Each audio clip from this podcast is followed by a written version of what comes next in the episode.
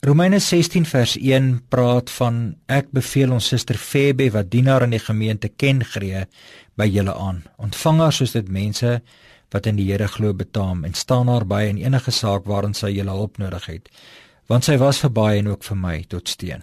Nou wat wil ek met hierdie teks vanaand vir jou sê? Ek wil vir jou sê dat ek en jy is brugbouers. Ons is 'n brug.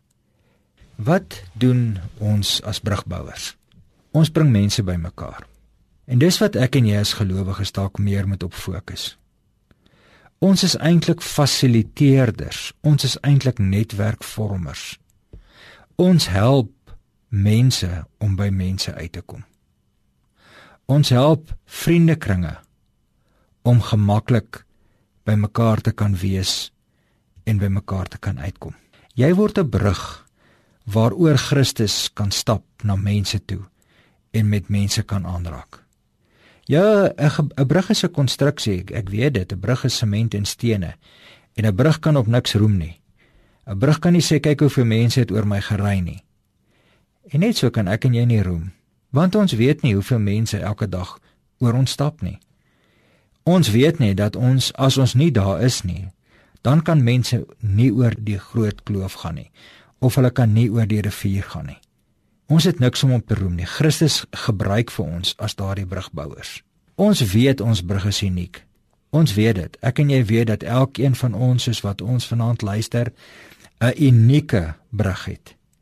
Party van ons is groot, dubbel, ek wil amper sê dubbelweg brûe. Ons kan baie goed gelyk doen. Maar vanaand as jy dalk um, alleen en jy's dalk baie oud en jy sit dalk iewers Of jy is jonk en jy sê vir jouself, weet jy, my brug kan nie, ek het nie kan nie meer 'n dubbelbrug wees nie.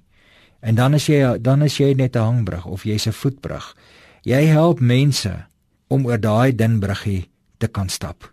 Dit maak nie saak. Jou brug is uniek. Nie almal van ons kan dieselfde wees nie. 'n Brug bring laasens ook hoop, want 'n brug sluit horisonne oop. 'n Brug maak dat ek nuwe wêrelde kan verken.